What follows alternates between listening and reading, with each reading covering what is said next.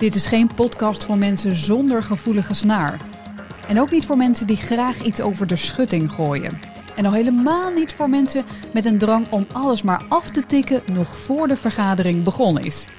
Welkom bij Wicked Sessions, de podcast voor mensen die het gepraat over transformatie wel zat zijn en positief activistisch aan de slag willen met complexe vraagstukken. In deze sessie praten we over design. Daar hoef je niet een hippe bril voor te dragen of schitterende vazen uh, te ontwerpen, maar heel anders te denken. Arjan heeft een rugtas en daar zit iets groots en veel gekleurds in. Maar wat is het? Ja, het is een mooie kleurige, een soort spiky voetbal lijkt het wel. Ik heb hem regelmatig bij, want voor elke design sessie gaat hij mee in de rug. hij past ook niet, dus hij steekt uit. Het ziet er heel grappig uit alsof je naar school gaat met zelf uh, meegebracht speelgoed. Ja, hè? dus ja. Uh, een soort plastic ding. Ik krijg ook altijd opmerkingen. Ik doe vanmorgen op de fiets hierheen. Dan roept iedereen, uh, ga je spelen? Van het, ja, dat, het, het nodigt blijkbaar uit door de primaire kleuren, de gekke vorm. En um, het is eigenlijk een, een, een, bal die zo groot is als een voetbal op dit moment. En zodra ik er eigenlijk aan trek, wordt hij bijna zo groot als een mhm. skippiebal. Een soort hup hup uh, Ja, ja dus, je ziet hem eigenlijk in elkaar vouwen, uit elkaar vouwen. Dus hij ziet echt heel ingenieus uit uh, in elkaar. En Met rood, paars, geel, groen allemaal Hij is zeer kleurig en uh, speelt. Hij komt ook uit de categorie speelgoed. Maar voor mij is het eigenlijk de les als het gaat over waar we het over vandaag gaan hebben. Over design. Uh, het is vooral Buckminster Fuller, dat is een grote designer uit de vorige eeuw, die vooral heel goed wist te denken in dit soort patronen, zoals wij dat noemen. Uh, hoe je eigenlijk dingen heel klein kan maken en bijna uit elkaar kan uh, vouwen. Voor mensen die misschien het oude Aviodoom nog weten, dat is ook echt zo'n soort bol. Die, ja, die heel ingenieus in elkaar. Het is niet één ding, maar het zijn eigenlijk allemaal kleine patronen die samen een geheel vormen. En vooral heel veel contact puntjes, scharniertjes, dingetjes. Nou ja, dat is wat ik vaak, waarom ik de bal meeneem. Uh, ik denk wat wij in design als mentaliteit, waar we het zo over gaan hebben, uh, vooral belangrijk is, is we proberen soms dingen heel groot te maken en klein. En noemen het groot-klein. Uh, het gaat eigenlijk om het proces daartussen. Dus ik maak hem nu groter, ik maak hem kleiner die bal, ik maak hem groter. En uiteindelijk zijn het de scharnierpunten die ik probeer te begrijpen. Die scharnierpunten maken het mogelijk dat hij van klein naar groot wordt. En dat is eigenlijk de metafoor wat we met design proberen in organisaties. Is dat we proberen het gedrag te, te zien van waarom doet dit nou eigenlijk wat het doet. Dus door dingen op te blazen, dus heel groot te maken in design, dan weer heel klein te maken, heel elementair. En dat eigenlijk gewoon in en uit, in en uit te doen, ga je langzaam ontdekken wat eigenlijk de principes zijn van waar je mee bezig bent. Maar dat groot-klein maken, bedoel je dat dan ook groot toegepast, klein toegepast? Wat betekent het voor één user? Wat betekent het voor onze organisatie? Moet ik het zo zien? Ja, dat, die Buckminster voelen zei al, hè, als je het voor één mens mm. oprecht kan oplossen, dan ontstaat pas de kans dat je de wereld iets kan brengen. Dus die maakte het echt zo klein als de mensheid. En in de volgende zin kon hij het hebben over, weet je, het uh, moederschip aarde. Dus even, dus één mens, boem, groot. En daar die dynamiek in zien. Dus dat is het, ja, het is dus groot maken, de hele organisatie. Maar wat nou als het gewoon voor één gebruiker op één moment morgen gewoon moet hebben opgelost? Heel klein maken en boem, dat is En hoe scharnier je dat dan ook weer aan de andere geleerde collega's, afdelingen? Ja, ja, dat, zeker dat je de, de, de laatste sessie, nummer 7, gaan we het hebben over systeemdenken. Dan komt dit uitgebreid aan bod, omdat alles met alles verbonden is. Maar we proberen in design thinking vooral die scharnierpunten te vinden, die ontwerpen en principes. En soms is dat groot en klein, maar het kan ook ver weg en nu zijn. En waarom is het belangrijk dat iedereen deze bal in gedachten heeft? Want ik kan me ook voorstellen dat mensen zeggen, ja, design, dat laat ik aan eh, de creatieve meisjes en jongens. Ik ben zelf meer van nou, eh, het lineaire, het uitschrijven van dingen klaar. Design is voor de ander. Waarom is dat design thinking voor iedereen belangrijk? Ja, jij verstopt altijd heel veel vragen in één uh, vraag. Dus we gaan even. Dan twee, kun je lekker lang ja, ja, twee twee uh, kanten op. Kijk, er zit al een, vind ik een, zelf een misconceptie in een design. Hè? Dus design en design week en designer spullen. Dat lijkt heel gaan om uiterlijk, om uiterlijk vertoon, om mooi en om spullen. Um, voor mij gaat design uh, om eigenlijk veel meer om een mentaliteit. En het, het, woord zegt al to design. Dat betekent eigenlijk gewoon eigenlijk ontkleden, als soort afpellen, als een ui op zoek naar de kern. Om echt wat betekent dit nou? Dus designers denken natuurlijk in vorm, we denken in functie, maar uiteindelijk denken we vooral in betekenis. Dus voor mij is het niet design, spullen en mooie dingetjes maken. Het is echt een mentaliteit, een houding die heel erg leert omgaan met onzekerheid. heel erg trial and error. Die op zoek gaat naar de essentie, naar betekenis. En volgens mij moet elke organisatie en in elke innovatie moeten we daarna op zoek. De betekenis en de essentie. Dus, dus, dus, dus design is niet alleen maar voor de grote designers. Het is eigenlijk iets wat iedereen uh, kan. Het is ook een heel uh, goed middel. En dat is het tweede element van jouw uh, vraag ook. Dat... Uh, Ja, design denkt uiteindelijk alsof het betekenis gaat. Er is maar één iemand die betekenis geeft aan iets en dat is de gebruiker. Ik kan er wel iets proberen in te stoppen, maar uiteindelijk de betekenis ontstaat in het gebruik. Dus een designer en design thinking of een designerly way of knowing, op een, manier kijken zoals een designer, een ontwerper, ontwerpend denken, hè, ontwerpend denken. Dat is heel erg denken, dus vanuit die gebruiker. Empathisch het is, ja, want die gebruiker die betekenis geeft, geeft dat in een bepaalde situatie. En want die gebruiker kan soms in een vijf-sterren restaurant eten en een dag later gaat hij door de, de drive-thru bij de McDonald's. Dus die situatie rondom dezelfde gebruiker heeft een heel andere, uh, hele andere verwachtingspatroon. Hmm. Dat als hij een, een Mackie krijgt in een doosje in het vijf-sterren restaurant, is hij misschien teleurgesteld. En als hij net zo lang moet wachten bij de McDonald's, werkt het ook niet. Dus je moet echt denken. Ik zie ineens één kipnugget heel mooi. oh ja, nou dat, dat zou misschien dan nog net weer, weer werken. Uh, maar ik denk dat de, de, dus, dus design, het op zoek naar de, de, de essentie, naar die betekenis, betekent dat je ook echt in het handelingsperspectief noemen we dat, in het gebruik gaat denken. En dus een gebruiker in een situatie. Dus iedereen en elke organisatie die ergens in het businessplan heeft staan dat we user-driven willen zijn, klantcentraal denken, kan er volgens mij niet omheen dat je ook design thinking en de design manier van kijken, het is ook een soort mindset, een soort, een soort lens, dat we die ook gaan, uh, gaan toepassen. En het zit natuurlijk heel dicht op creativiteit. Zullen we vandaag ook zeker aanraken. En ik noem het vaak dan de toegepaste creativiteit. Het is echt bedoeld om het heel specifiek voor een mhm. bepaalde situatie. Het is niet ja, dus heel specifiek voor een bepaalde situatie op te lossen. Ik bedoel het niet als creativiteit, als in originaliteit. Dat we een kunstenaar hoeven te worden. En creativiteit is voor mij een spier. Die kunnen we allemaal trainen. Zijn we soms niet zo heel erg getraind in, maar we kunnen hem allemaal trainen. We kunnen er allemaal beter in worden. En er zijn natuurlijk een paar soort super, de Ronaldo's van de creativiteit. Die zijn er ook. Weet je, daar kunnen we van leren, door in geïnspireerd worden. Van de Dali's en de Picasso's van deze wereld. Of de Andy Warhols. Kan allemaal. Maar dat betekent niet dat creativiteit iets exclusief is voor hun. We kunnen allemaal met ons onze creativiteit als menselijke vaardigheid eigenlijk die, die, die designmentaliteit uh, omarmen. Hoe zou je het definiëren? Is creativiteit dan uh, de capaciteit om met meerdere blikken of, of uh, op andere manieren naar iets te kijken? Wat, wat... Ja, het woord wat mij meestal binnenschiet als je zegt waar gaat het nou echt om? Ik noem het helemaal een soort generatief vermogen. Een generatief laat me gewoon iets dat je iets kan maken. Dus je kan uit iets wat er is, kan je iets scheppen. Weet je, Het mhm. komt ook van inspiratie, in de spirit zijn, lekker het scheppingsverhalen. Daar gaat het dus, dus creativiteit gaat voor mij dat je in staat bent iets te realiseren, iets te maken. En je zit mijn handen al, maak een soort bottom-up beweging, iets, iets in zijn, ja, in verwezenlijken mm eigenlijk. Dat is voor mij één. En daar kunnen we al heel veel uitlenen. Dus kan je een generatieve cultuur maken. Kunnen wij een product hebben wat iets schept, wat iets creëert, in plaats van iets wegneemt. Ja, wat heb je nodig om dan uh, dat klantgedreven hè, uh, iets te scheppen? Wat mij nog wel wat puzzelt is. Um, als ik het veel hoor over ontwerpen of over dat bijvoorbeeld fabrieken hun hele lijnen hebben omgegooid, uh, is dat het ook best nog wel technisch nadenken is over Welke touchpoints hebben we? Hoe zitten die scharniertjes in elkaar? Het is soms best ook een, uh, een puzzel. Eh, het is uh, absoluut een puzzel, maar Kijk, maar zeker als je het over design thinking gaat hebben, waar het straks mm over, maakt al vrij snel onderscheid tussen de business view, hè, van is iets haalbaar, weet je, gaan we dit geld terugverdienen? Mm de engineer, de, techniek, die denkt veel meer: is dit maakbaar? Kunnen we dit realiseren? En die twee zijn er vrij snel uit. Die hebben al heel wat strijd, maar die zijn er op een gegeven moment wel uit. We gaan deze site maken, of deze service bouwen, of dit product. Alleen uiteindelijk gaat het erom of die persoon ook dat product gaat kopen en gaat gebruiken. Want dan wordt het haalbaar en wordt het product gebruikt. Dus het gaat uiteindelijk is ook wenselijk. En dat is eigenlijk die design view. Die, die komt, brengt eigenlijk die user naar binnen. En het is dus niet puzzelen als een engineer van oplossen kan ik dit maken, maar hoe kunnen wij iets wezenlijks creëren voor die gebruiker? En dat bedoel ik met het generatief vermogen. Niet alleen dat je een product maakt, als een nieuwe kop koffie hier voor ons of die bal, maar heeft het product iets in zich waardoor het relevant is, iets oplost, iets brengt aan die gebruiker. En dat is echt een view, een bepaald perspectief die we heel vaak missen als het alleen maar over business versus IT gaat. Of we maken iets weet je, en we gaan het even terugverdienen.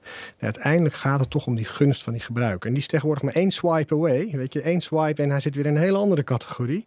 Dus het gaat steeds meer dat jij gewoon, wij noemen dat heel mooi de job to be done. Dat, dat wat die gebruiker probeert te doen, dat je daarin probeert te dienen. Maar dus ook veel meer al die vraag die daar dus uh, aan, aan de voorkant ligt. Dat empathische, dat wat wil je voor iemand, ik zeg maar even in mijn eigen taal, fixen. Wat is wenselijk. Dat je daar ook veel meer alle uh, mensen en experts al bij betrekt. Dus Ja, absoluut. Dus, dus dat, dat is multidisciplinair werken. Hè? Dus dat begint al, want ik ben niet zo van, nou, dat zijn de designers, dat de engineers. Is moeilijk hoor. Ik heb veel organisaties gehad en ook mijn eigen organisatie had alle drie de bloedgroepen in huis. En je kan in mixen wat je wil. Zodra je gaat borrelen en lunchen, staan de businessmensen bij de business en staan de engineers bij elkaar en staan de designers bij elkaar. Dus, en testers zijn ook nog een aparte, toch? Oh ja, we hebben nog heel veel subgroepen die, we, die ook allemaal liefst bij elkaar staan. Nee, maar het is, het, het, ja, ze hebben soms net een andere mentaliteit, andere taal. Ehm, dus, dus, dus het is best moeilijk om die te mixen en daarom moet je dat organiseren. Dus dat is het, vind ik het leuke aan design.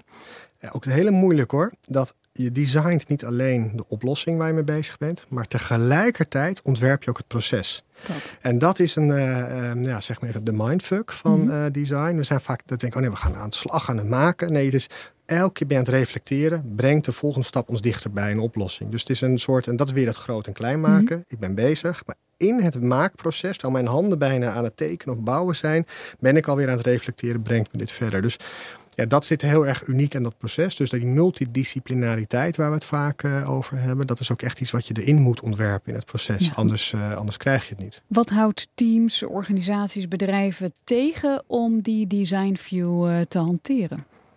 Nou, denk, heel lang hebben we het uitbesteed, creativiteit. Dus het is heel vaak naar agencies gegaan.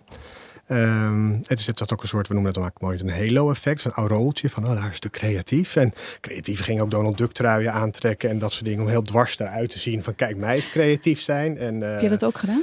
Uh, nee, dat heb ik uh, nog niet. Donald Duck heb ik nog niet gezien. Ik heb wel vaak tegenover gezeten dat ik te horen kreeg... ja, wij zijn hier de creatief, wij werken 24-7, dus uh, weet je, laat dat aan ons. En er wordt vaak ook veel over onderhandeld gelijk in zo'n contract... van wie heeft de laatste recht om er nog wat van te vinden. Um, ja, dat, dat vind ik een soort absoluutheid van creativiteit... waar het gaat om originaliteit en heel erg om authorship. Hè, van wie, wie is degene die het gezegd heeft. En wie is de baas over het brandboek. En als je, ja. ja, en, en ik begrijp het, want creativiteit is een heel onzeker product. Je, je, je wilt houvast. Ja, je probeert iets te bedenken wat er nog niet is. Het is nieuw. Um, en, en, zoals een, een, naam voor iets, dat, dat klinkt nooit de eerste keer. En dan gaat gelijk iedereen er wat van vinden. Dus dat is een heel lastig proces. En we zoeken daarom in het proces heel veel houvast. En een van de manieren om houvast te zeggen... ja, maar deze manier heeft al 200 brandnamen bedacht. Of de, weet je. Dus we gaan heel snel autoriteit claimen. Of het proces. Weet je, wij zijn een agency. Wij doen dit al tien jaar op deze manier. We hebben een uniek tien stappenplan. Ja, en dat is, dat, ik bedoel, ik begrijp dat. Uh, want uiteindelijk iedereen moet het ook weer verdedigen. Uh, uiteindelijk intern. En dan helpt het als je zo'n stempel erop hebt. Ik denk wat het bureau IDEO, wat in Amerika echt ja, weet je, de, de, het voorbeeld was van eigenlijk op een andere manier werken. Die hele multidisciplinaire teams, heel erg uit die product uh, design, hoe kwamen zij?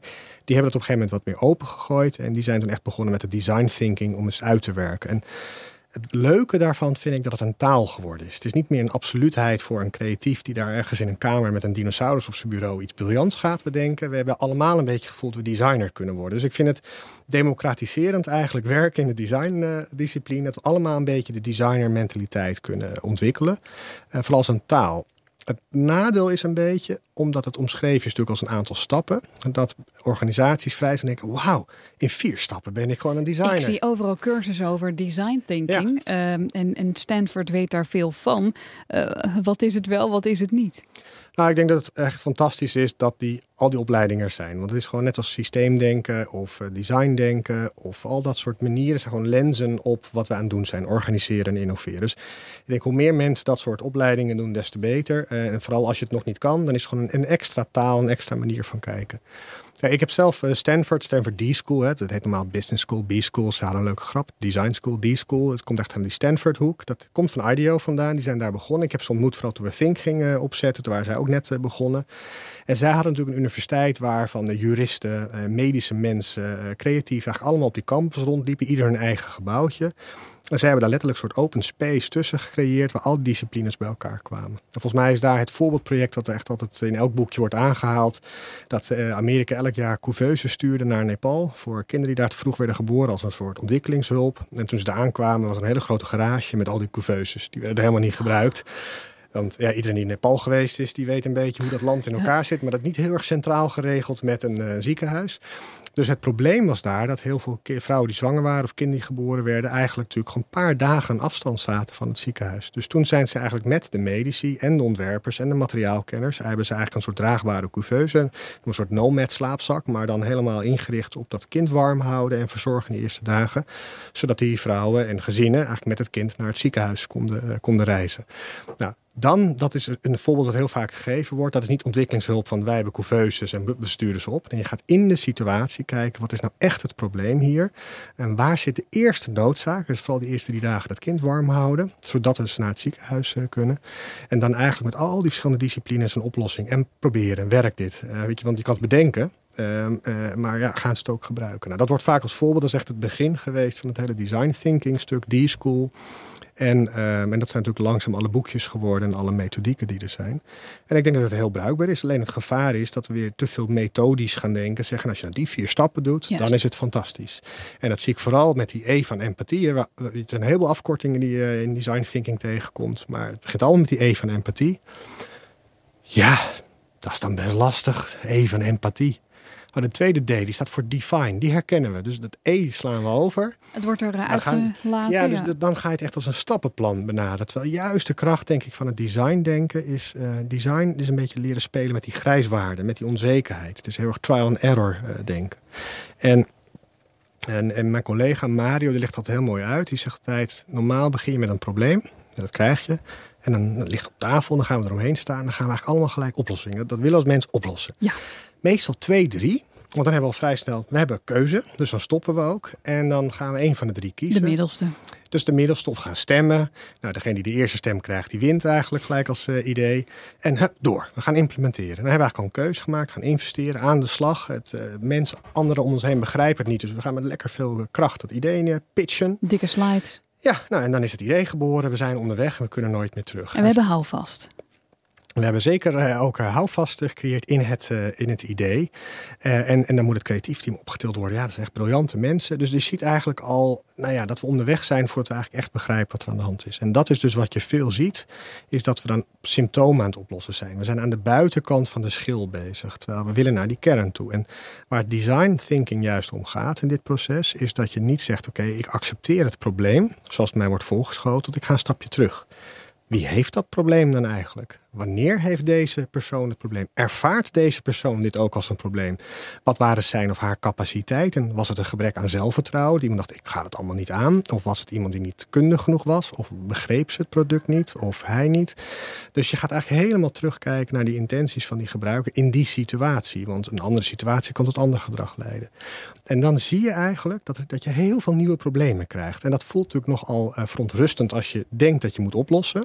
Dat je eerst meer problemen gaat En daarom noemen we het ook de problem space, die eerste grote deel.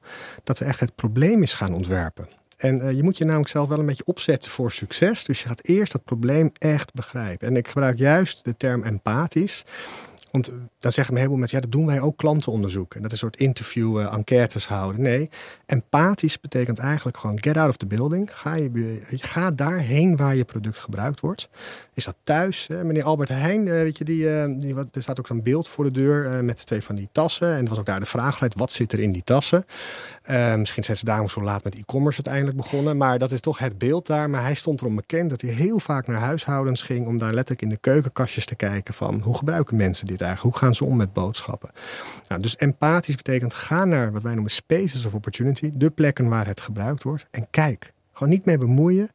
Kijken. Gewoon kijken wat er gebeurt. Hoe linkt dat aan een interessant gesprek wat jij had op Clubhouse? Ja, dat... Um, um, ja, het Clubhouse gesprek, um, dat zit daar wel heel dicht op. En dat, dat ging echt over wat is het nou goed als iets ontstaat of iets ontworpen is? Dat was eigenlijk de vraag daar. En voor het Clubhouse zelf hè, was natuurlijk in het begin een beetje voor underground. Hè. Mhm. Niet iedereen was er en het was een beetje stiekem en er gebeurden allemaal nieuwe dingen. Dus het ontstond en er was een soort hype kwam er. En toen moest het verbeterd worden, kwamen er meer gebruiks, gingen mensen dingen nadoen. En toen gingen allerlei radiomakers radio maken, een podcast maken op Clubhouse. En toen kreeg u de hele beweging, ja maar nu is het een soort ontworpen. Nu moet het allemaal op deze manier. En dan ging het weer tegenstaan. Dus toen kwam een hele discussie. Er zaten in zo'n panel van is ontstaan nou beter dan ontworpen. En dat is een soort heel fijn lijntje. Dus soms voelt het als het natuurlijk is dat iets ontstaat, gewoon heel lekker, dan is het menselijk. En als het dan overdesigned is, dat het allemaal op een bepaalde manier moet, dan gaat het je tegenstaan. Maar als wij een podcast zouden maken en de ene keer duurt hij drie minuten en dan duurt hij drie uur. Soms hebben we het over leiderschap en dan hebben we het over bloemetjes. Dan ben je als luisteraar ook de boel kwijt. Dus soms is het wel lekker dat niet alleen maar dingen ontstaan, maar ook een beetje hebben nagedacht. Dat er een soort ontwerp achter zit. Alleen het is dus een lijn en die gaat voor mij heel erg om moeten mensen zich nou aanpassen aan een systeem? En dat is dan is het te overontworpen of engineerd.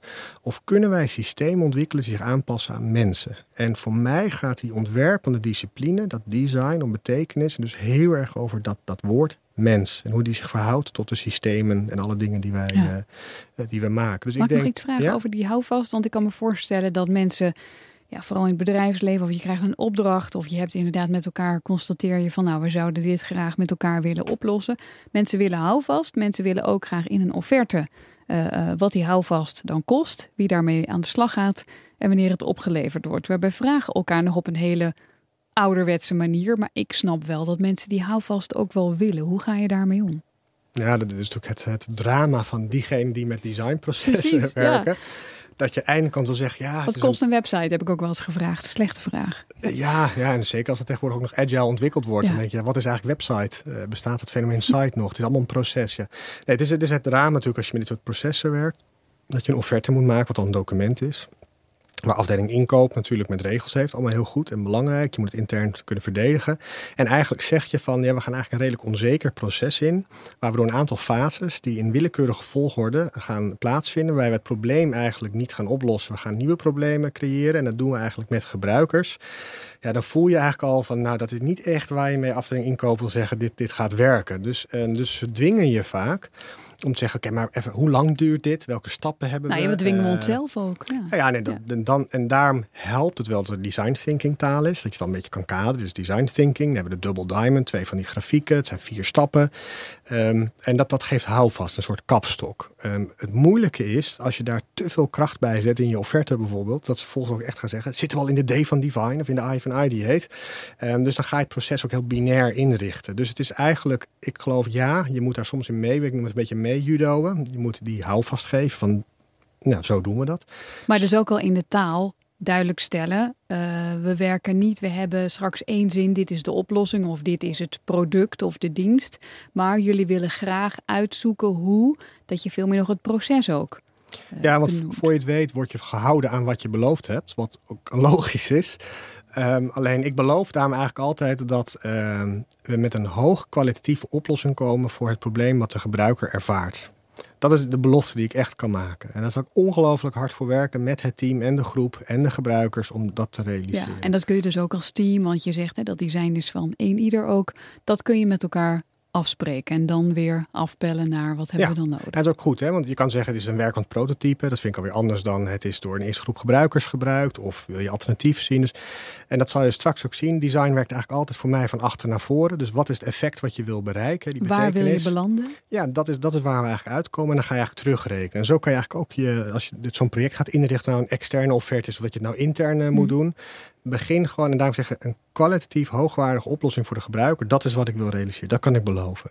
En ik heb een idee hoe ik daar ga komen. Namelijk, ik ga dit, dit en dit uh, doen. En, maar je zal ja, de organisatie houvast moeten geven hoe daarmee uh, om te gaan. En dat is, uh, ja, dat is waar we vaak het hebben over een change-programma of een design-programma.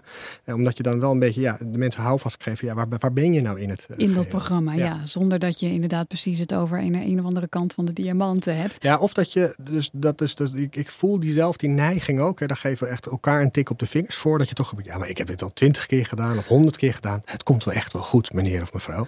En dan ga je weer die creativiteit optillen van, ja, ik ben de goeroe. En dus dat is zo lastig. En dat zijn we denk ik allemaal nog een beetje aan het, uh, aan het uitvinden. Daarom hoe meer mensen gewoon die designtaal ook gaan spreken als een van de, de talen die je mhm. beheerst. En de intentie. Het ja, het, makkelijker wordt. En uh, zeker dat Google het gebruikt en Netflix en dat we sprints hebben. En uh, ja, kijk, design thinking moet je ook in een tijdsbeeld zien waar we ook lean hebben, natuurlijk uit meer uit de industrie komt.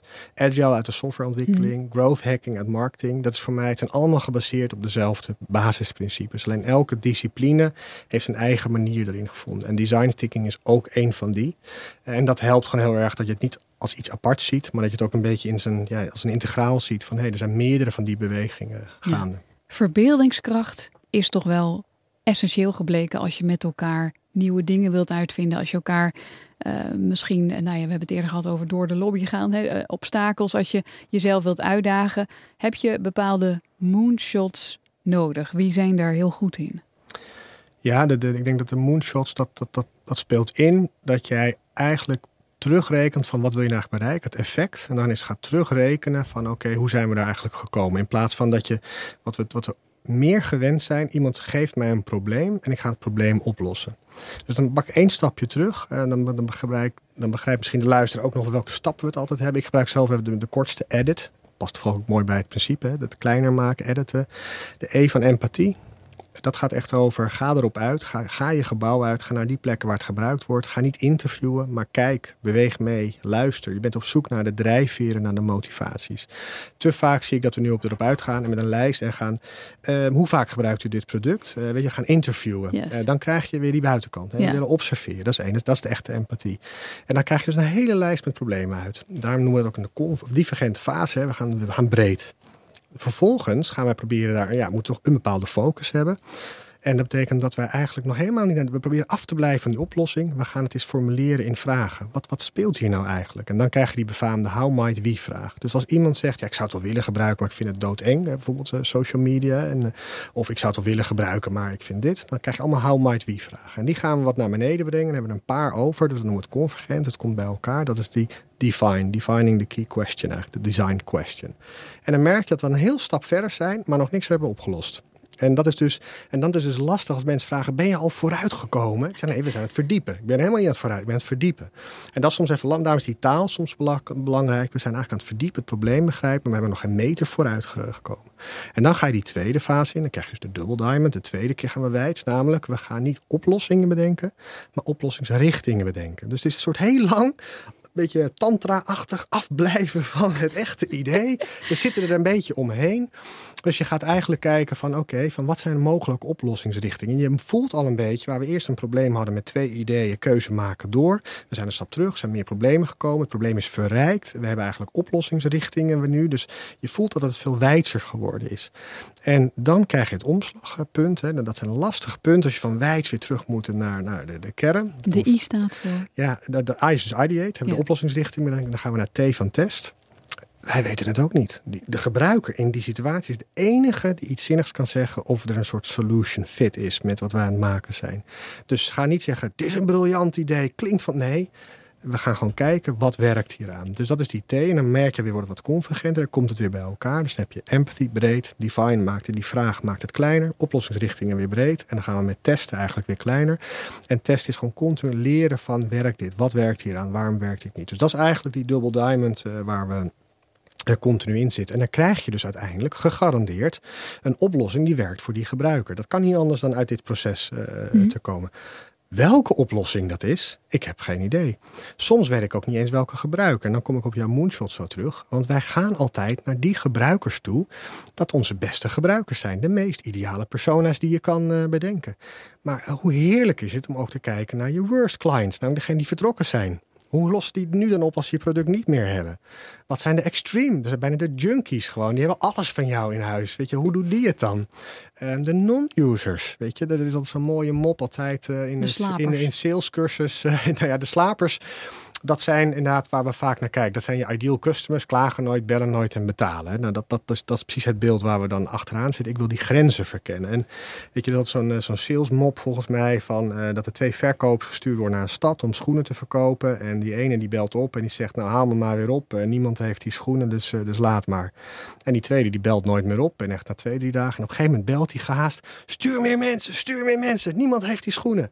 Weet je, en dat is die non-user kant. Wij gaan altijd kijken naar die slapers die we al heel lang hebben. Dat zijn eigenlijk de routineklanten. Terwijl wil je groeien, wil je ontwikkelen, durf die randjes op te zoeken. Dus dan ga je echt kijken naar de non-user, de worst user en al dat soort, uh, dat soort dingen.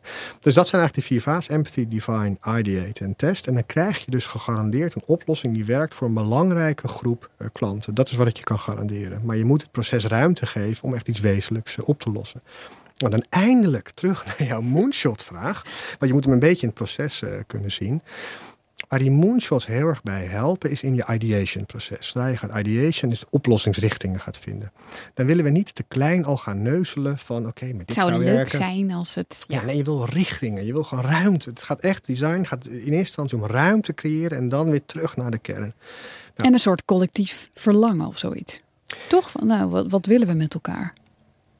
Ja, en dan vooral wat wil die gebruiken? Ik blijf Ja, dat ja, maar, want hè, het is zo'n makkelijke valkuil om dingen te gaan maken die jij leuk Mhm. vindt. Maar het gaat in dit geval Ja, dat. wat... ja, ja, ik, dus, het zit er nu even strak in de discipline, maar ik hoor het zo vaak klant centraal stellen. Klant is belangrijk, user-driven en we hebben het altijd over de user en dit is met de user. Juist. En ik geloof ook heel erg in dit soort design aanpakken bij de user gewoon in the room is, gewoon mee ontwikkeld.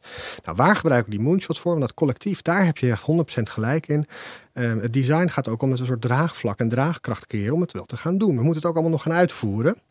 Dus dat collectieve stuk is belangrijk. En waar die moonshots voor helpen. Een moonshot is eigenlijk gewoon een soort, een soort droom, een ver weg beeld van waar zijn we dan geëindigd straks. En JFK heeft dat een beetje ge- gelanceerd. Tenminste, daar, die wordt vaak als de, de, weet je, de, de, owner van dat Mhm. concept gezien. Toen hij die hele ja, bekende speech had van eh, we are going, going, going to put a man, man, man on the moon. Weet je, dat, eh, dat, die speech wat we vaak gezien hebben.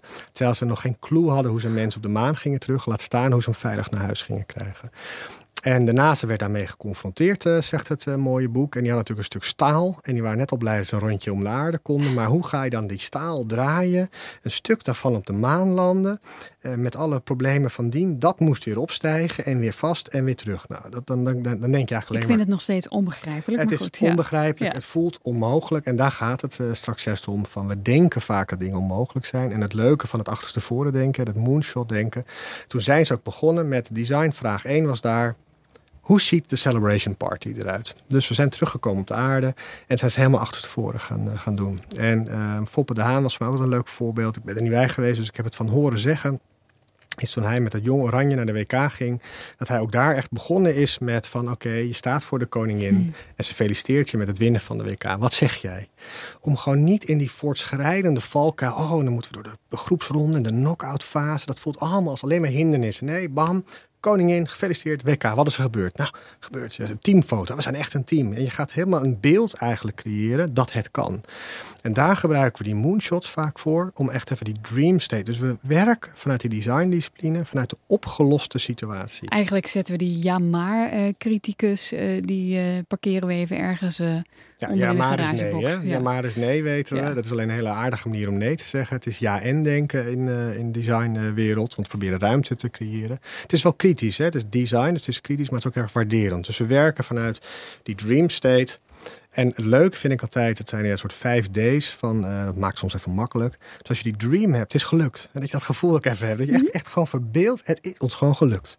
Dat je een stap terug gaat en, gaat en gewoon eens vraagt, wat is er nou gebeurd in onze omgeving dat dit kon lukken? Dat noemen we dan to discover. Ontdek eens wat is er veranderd dat dit gelukt is. En dan kan je nog een stapje dichterbij gaan en zeg je: Oké, wat hebben wij gedaan, ontworpen, to design, om de mogelijkheid te creëren dat dat kon gebeuren? Dus van dream gaan we naar discover, naar design. En dan krijg je de, de vier en dat is echt: Oké, wat hebben wij dan de komende periode gerealiseerd, gedaan, to do, om dat design mogelijk te maken, dat die situatie kon ontstaan, dat we die droom zijn gaan invullen. En dan ben je er bijna, ehm, want die vijfde is het lastig. Mensen vinden het heel fijn, het, is, het voelt als we bijna analytisch gewoon terugrekenen, waar zijn we dan? En ah, er zit altijd een gat in tussen waar Precies, we vandaag staan en waar ik moet beginnen. ja. Dat is toch net niet, het komt net niet uit. En daarom is de laatste D voor mij to dare, durven creativiteit en vooral design gaat uiteindelijk om trial and error. Het gaat om dingen proberen. En dat betekent dus dat je de laatste is toch een soort leap of faith. We hebben een sprong van vertrouwen nodig om dit te beginnen. En daarom is die end state, die dream, die moonshot zo belangrijk. Want we belichamen gewoon even het gevoel, het gaat ons gewoon lukken. En dan dat sprongetje, die durven we vaak niet aan. En als je dan naar de business view gaat kijken, dan kunnen we misschien nog niet helemaal uitrekenen hoe het gaan terugverdienen. Vanuit engineering weten we hoe we het op gaan lossen. En daar speelt design gewoon een hele belangrijke rol. Maar dat is echt een ideation techniek. En ik wil hem graag nog één stapje optillen. Ehm, want het is lastig hoor, moonshots. En, Maar dat, weet je, met een beetje gek maken komen er altijd wel. Weet je, iedereen kan dromen uiteindelijk. Ik zou hem nog een stapje verder willen gaan. Dan noemen we hem mooi loonshots. Maak het eens absurd. Dat vinden we veel spannender. Er komt vaak ook humor bij kijken. Dat is echt het absurde. Want humor is, natuurlijk, het is pas alleen maar leuk als het iets tart. En wat Ja. tart het? Ons geloofssysteem. Dus als ik met een grote loterij eh, bezig was en het ging bijvoorbeeld over goede doelen. En toen riep op een gegeven moment, nou, allerlei moonshots, nog meer mensen helpen en dat soort dingen. Nou, dat, dat kwamen heel snel uit. Loonshots. Wat nou als een goede doelen casino zou zijn? Alles wat je gokt gaat naar goede doelen. Keiharde euro's. Gewoon eh, knaken. eh, dat gevoel. Nou, dat stuit aan alle kanten iedereen natuurlijk tegen de borst. Het harde gokken, gokverslaving. Dan zit je helemaal aan de andere kant van het spectrum. En dat is juist zo leuk. Dat betekent namelijk dat we daar een enorme blinde vlek hebben in die hoek. Want dat begint al mijlen. Zodra het al ruikt naar dat, die wereld van casino, gaan we er niet heen. Dus ga nou eens bewust. Dus dat is een loonshot. Of andersom, ja, als we zo van het goed doen en goede doelen zijn, laten we een kerk beginnen. We gaan een kerk, en dat klinkt nu even absurd, maar dat merk je zelf al. Ja, nee, dat, dat gaat ons ver, verder brengen. Maar juist die absurditeit, laat, gewoon brengt in kaart waar een beetje ons paradigma, ons geloofssysteem eindigt. En als je dat, hoe heet het? Je belief system? Je belief system. Ja, maar je zegt, er is veel meer mogelijk dan we denken. Ons hoofd denkt zo in patronen, in gewoontes, in bepaalde beelden, dat we niet doorhebben waar we onszelf in opsluiten. En dat is even in die soort expansieve fase van design, waar het groter die bal maken we eventjes. die groter is, het moonshot denken, is even de, gewoon meer ruimte creëren voor de oplossing. Dus daarom hebben we het heel vaak over de problem space, eerst heel lang. En dan is het echt het ontwerpen van de solution space, waarin het kan gaan gebeuren. Hoe kan ik uh, beginnen? Ik koop een bal. Die, ik, vind dat, ik wil dat ding ook steeds vastpakken. Uh, ja, nou, ik zal hem in de show notes zetten. Ja. Want dat is een vraag die ik heel vaak krijg. Van waar krijg ik uh, zo'n zo'n bal? Nou ja, het helpt gewoon in deze, weet je, te, te zien dat design niet iets exclusief is, maar inclusief is. Het helpt dat je met je eigen organisatie en team gewoon eens kijkt van hé, wat zijn dan die verschillende elementen. Dat je echt een manier vindt om voortdurend in gesprek te zijn met die, uh, met die gebruiker uiteindelijk. En uiteindelijk ook gewoon, gewoon durft af te blijven van te snel de shortcut pakken. En het is niet voor niets dat bijvoorbeeld ook Facebook en Netflix allebei spreken over de 10.000 experiments. 10.000 experimenten maakt een product pas een, een, een goed product. Um, dus het, het, kost gewoon ja, tijd. Maar daarom moeten we vooral ook naar een soort. Het is ook, je kan heel veel versnelling brengen. Een soort rapid prototyping, rapid sketching. Weet je, het is, en daarom is Google natuurlijk gekomen met die sprint. In één week kan je een stap maken. Mm je moet ook niet denken van, oh, je moet ook naar buiten en je moet naar gebruikers. Dan moeten we overleggen. Dat kan ook heel lang voelen. Ja, ik denk gebruikers hebben allebei volgens mij een mailbestand van uh, plus 500 mm mensen. Nou, laten we eens zeggen, we gaan alle drie 20 mensen mailen ja, met dit haal idee. het net eens op, ja. Als 80% binnen een uur reageert van, doe mij er zo eentje. Dan mogen we ervan uitgaan voor nu even dat er wel iets in zit. Yes, dus ja. we laten het dus daar niet te analytisch. Design is ook gewoon bias to action. We, moeten, we komen met elkaar, uh, we komen met elkaar in beweging. En het, ik denk het allerlastigste is niet alleen dat je soms dus design het product maakt, het proces. Is dat, dat afblijven van de neiging het gelijk te willen oplossen. Hè? De silver bullet die alles gewoon oplost. Of de beslissende paas geven. Nee, het is, het is opbouwen. En het leuke daarvan is, je ziet het eigenlijk aan het eind. Um, als je op je ideation gaat, nou, dan komen de post-its uh, naar boven. Hè. Uh, zijn allemaal het kleuren post-its gemaakt. En zodra je dan die ruimte in, inloopt, dan zie je eigenlijk twee dingen. Je ziet eigenlijk wanneer bijvoorbeeld post-its door één iemand worden opgeschreven en opgehangen. Dus dan is het geen collectief proces. Nee. Of zitten we allemaal half over de vloer met stift zijn we aan het maken. Hè. Design is een maakproces. Dus daar in die zin laat je let your hands do the talking. Hè. Je Mhm. handen doen het en je, je, je hersenen probeert sens te maken. Wat gebeurt hier? Die is aan het reflecteren in plaats van andersom. Dus geef iedereen een stift. Iedereen staat. Iedereen is actief. Dat is belangrijk. En tweede zie je eigenlijk, dan gaan mensen post-its ophangen en hangen ze als een soort spreadsheet keurig gecategoriseerd van, oké, vijf stappen, post-its eronder, is allemaal heel netjes. Hou vast. Als je hier langs fietst, langs die kantoren, dan zie je ook gelijk aan de buitenkant van mensen op de ramen, zie je al die post-its keurig onder elkaar hangen. Ja, dan had je ook geen post-it hoeft te gebruiken. Een post-it is volgens mij bedoeld om Kun je ook te meteen en in een te. Excel-bestand Precies. plakken. Ja. Ehm, dus dan, dan, het, het, het, het ziet eruit als creativiteit, maar het is eigenlijk te ordelijk. En waar het mij om gaat is, dan zijn we dus weer op zoek toch naar het, de ene post-it waar het om gaat. En dan zijn we aan het categoriseren. Wat ik straks bij systeemdenken volgende keer een hele goede eigenschap vind. In het designproces hebben we het veel vaak over clustering. Dus wat je probeert te doen, is je probeert, als je bijvoorbeeld je hebt uh, 300 ideeën en met gemak organiseer je 300 oplossingsrichtingen, dat lukt echt. Dan ga je die eens allemaal een beetje clusteren bij elkaar. En dan eigenlijk de clusters zijn niet de oplossing, maar dat is eigenlijk een, een die richting. Je probeert de onderstroom te vangen. Dus wat je doet is, we gaan eigenlijk als een gek idee aan bedenken. Waar we denken, nou oké, dat zijn allemaal oplossingen. Het zijn er heel veel en daarom willen we ook echt veel hebben. Om te voorkomen dat we er op eentje verliefd worden. En dan gaan we die clusteren. Dan ga je al die soort groep dingen groeperen, shuffelen. En dan krijg je meestal drie, vier grote clusters. Dat dus blijkbaar met alle energie en aandacht die wij hierin gestopt hebben. Komen we dus elke keer uit op die twee, drie belangrijke. Dat zijn die scharnierpunten uit die bal. Die twee, drie belangrijke punten. En dan stopt het proces weer even. En dan gaan we eigenlijk over die punten eens nadenken. Wat kunnen wij nou vanmiddag wat mij betreft nog doen? Om een beetje te toetsen, te testen. Of we met deze richtingen mogelijk onderweg zijn naar een goede oplossing. Een voorbeeld van zo'n scharnierpunt. Want ik kan me voorstellen, het is audio. Mensen luisteren lang. Die hebben gekleurde bal voor hun. Uh, die willen zich alles wel voorstellen. Maar kunnen we dat nog iets concretiseren? Ja, kijk, het, het, lastige blijft, denk ik, en dat ik ga ondertussen over een voorbeeld nadenken, is dat je best gewoon een stuk gewoon je intuïtie laat spreken. Het begint niet voor niets met empathie. Mhm. Je probeert echt gewoon aan te voelen wat voor die gebruiker nodig is. En, ehm, en je probeert eigenlijk zo min mogelijk in dat analytische deel terecht te komen. En daarom willen we inderdaad niet naar dat cluster of naar dat categoriseren, maar naar dat clusteren toe. Um, Zo'n scharnierpunt, ja, je, kan eigenlijk op allerlei manieren uh, gaan, uh, gaan nadenken. Ik denk dat ik zou hem eigenlijk willen omdraaien. Misschien is dat makkelijker, want anders kom ik soort halverwege een of ander proces uh, binnen. Die scharnierpunten waar wij het over hebben, dat noemen wij in die bal bijvoorbeeld of in zo'n uh, zo'n sessie, dat noemen we eigenlijk vaak de design principles. Dus dat zijn de principes die werken. Dus ik ben echt ontzettend blij als we vaak in het proces het moment hebben, denken we hebben vier, vijf ontwerpende principes.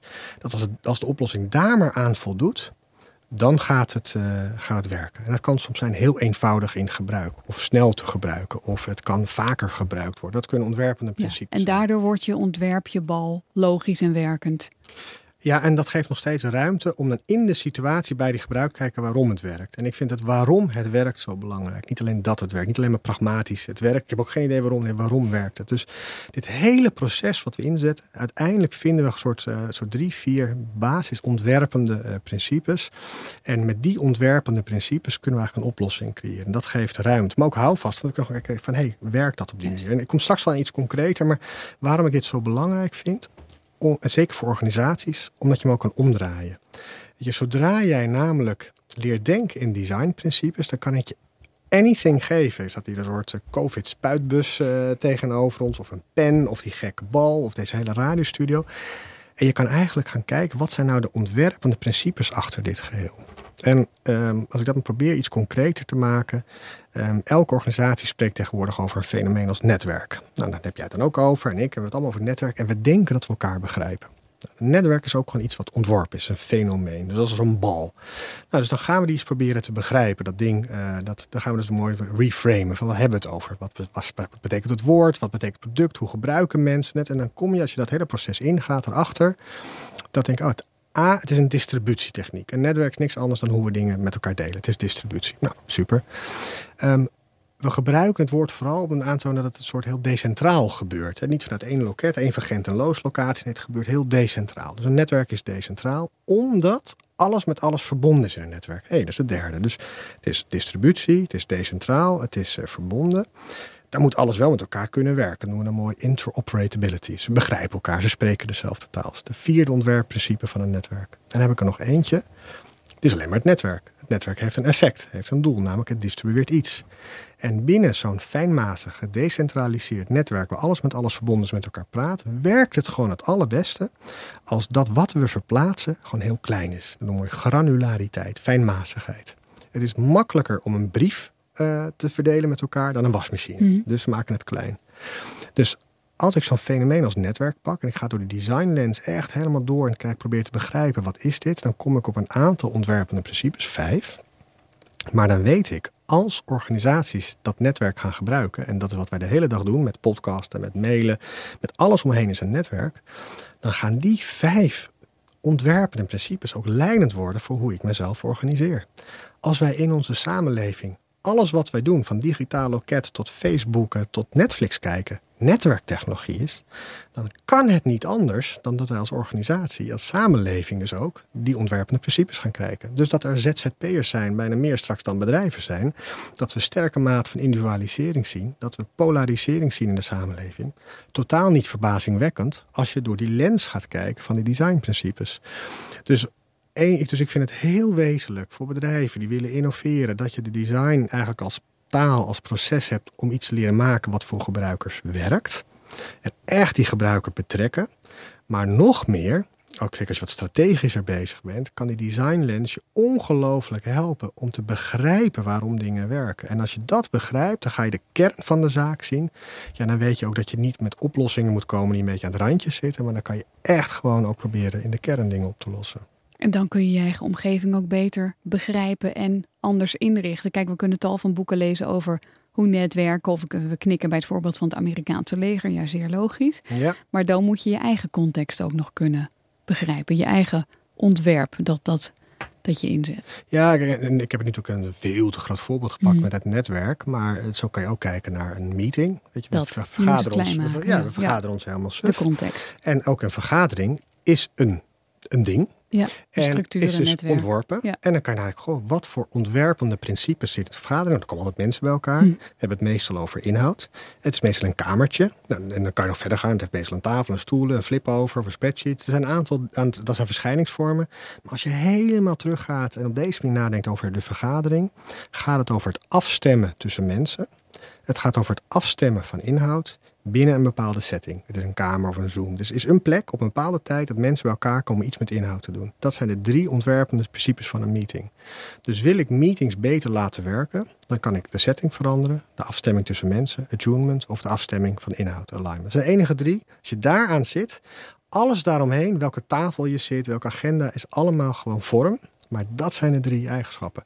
En als ik hem dan nog concreter maak, want we hebben het van groot naar klein gaan, het avondeten. We hebben allemaal avondeten, we hebben allemaal avondetenrituelen. Eh, dat is ook gewoon een tafel waar het gezin bij elkaar komt. Ook dat is een ontworpen fenomeen. Misschien niet zo bewust, maar iemand staat te koken, de tafel is gedekt, een bepaalde tafel uitgekozen, servies, alles. En ik merk als ik bijvoorbeeld s'avonds sta te koken, en dat vind ik heerlijk om te doen, even zo'n moment op de dag dat je denkt, ha. En eh, dan iedereen loopt een beetje om je, om je heen dan is het eigenlijk leuk als het eetmoment als gezin, en zeker met eh, kinderen, als je even zo'n moment hebt dat je gewoon met elkaar in gesprek kan gaan, elkaar aanvoelt, gewoon even een moment met elkaar. Ja, als ik kook en dan daarna moet ik, weet je, dan staat het nog net niet aan te branden, moet ik naar de tafel rennen, borden klaarzetten, drie keer roepen, dan hoor ik nog één level. Nou, dan, dan zitten we en Ja. nou, ik drie kwartier bezig geweest, zijn tien Als ik nu minuten alles wegga, dan kunnen we met dit gilde dit level niet uitspelen, toch? Dat soort. Ja. Ja, nou, dat, dat, dat, ja, iedereen zit ook in zijn moment. Dus dan kan ik dan geïrriteerd eh bij spreken gaan zitten doen. Ik heb allemaal gekookt en boodschappen en jullie dit. En dan krijg je, nee, dan heb je een leuke sfeer aan tafel. Gezellig, ja. Waar iedereen gelijk denkt, kan ik al weg? Dus, en dan denk je dat het per ongeluk is. Maar bijna alles in dat proces zit een bepaald ontwerp in. Als ik namelijk als outcome heb, effect, dat ik meer quality time heb en rust wil hebben met elkaar om bij elkaar te zijn, dan kan ik niet van een kind verwachten die midden in zijn level zit, dat hij per direct met zijn hele squad stopt, alles neerlegt en met mij gewoon zijn boontjes komt te eten. Nee, dus, dus wat ik bijvoorbeeld doe, is eh, ik begin de tafel al te dekken voor ik ga koken. Dus er is al een heerlijk gedekte tafel eigenlijk voordat ik überhaupt begin. Ik zet al wat dingen neer van de worteltjes en de paprika's eigenlijk. Dus er is al wat te halen. En eh, iedereen die langs loopt, die, die begint eerst met een wortel. En dan en die begint een beetje rond die keuken te hangen. Die gaat met mij in gesprek rond het koken. En eigenlijk is de hele onboarding van het eetritueel, want het is een ritueel wat we ontwerpen hier, is eigenlijk al begonnen. Dus tegen de tijd dat we gaan zitten, is iedereen eigenlijk al een beetje geland. Zoon boven of dochter boven hoort eigenlijk al geroezemoes beneden. hè. We zijn sociale dieren, willen er toch graag bij zijn. Dus die komt al een beetje, die hoort al de borden gekletter. Drie kwartier voor we aan tafel gaan. Dus dat, weet je, zo even heel groot netwerken, even kleiner meetings, maar ook zelfs je, je, je avondeetritueel is een ontworpen proces. Misschien niet bewust, maar doordat je door deze lens gaat kijken en ziet dat het, het moment van dekken wezenlijk van belang is wanneer het eten start, door dat naar voren te halen is eigenlijk de quality time, wat ik probeerde te halen, eigenlijk meer gelukt. Dus zo kan die ontwerpende lens je ontzettend veel brengen als het gaat om het ontwerpen van betekenis. Mooi.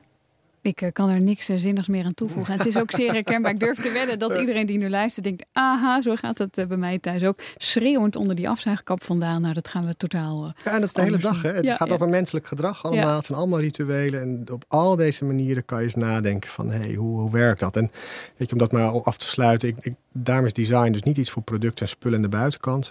Design en dus ontwerpen denken is voor mij gewoon een, een research, een onderzoekende methode. Het is een hele onderzoekende, nieuwsgierige mentaliteit... om dingen met elkaar te laten, laten werken. Wat gaan we de volgende keer bespreken?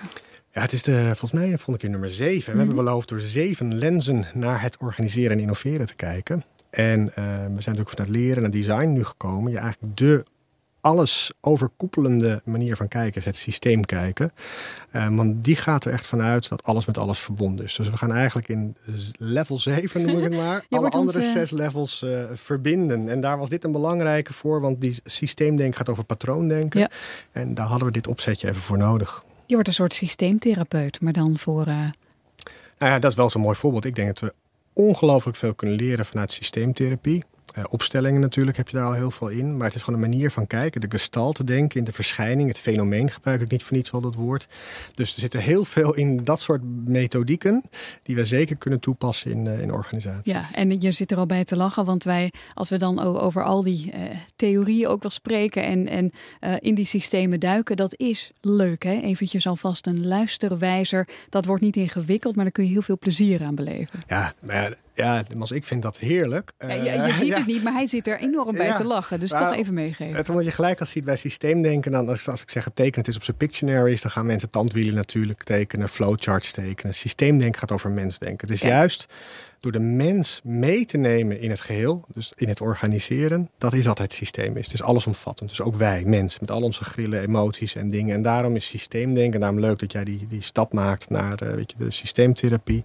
Het gaat juist hoe wij als mens, met onze dingen, de organisatie eigenlijk een geheel vormen. Ja, leuker kan het toch nou, niet dus worden. dan kunnen we stellen eigenlijk richting de luisteraars, het gaat over jou de volgende keer. Absoluut. Mooi. En denk jij naar deze sessie, ik ga ook uh, gekleurde ballen tonen. Ik ga echt aan de slag met denken en werken. Heel veel plezier gewenst en ga voor inspiratie naar wickedsessions.nl.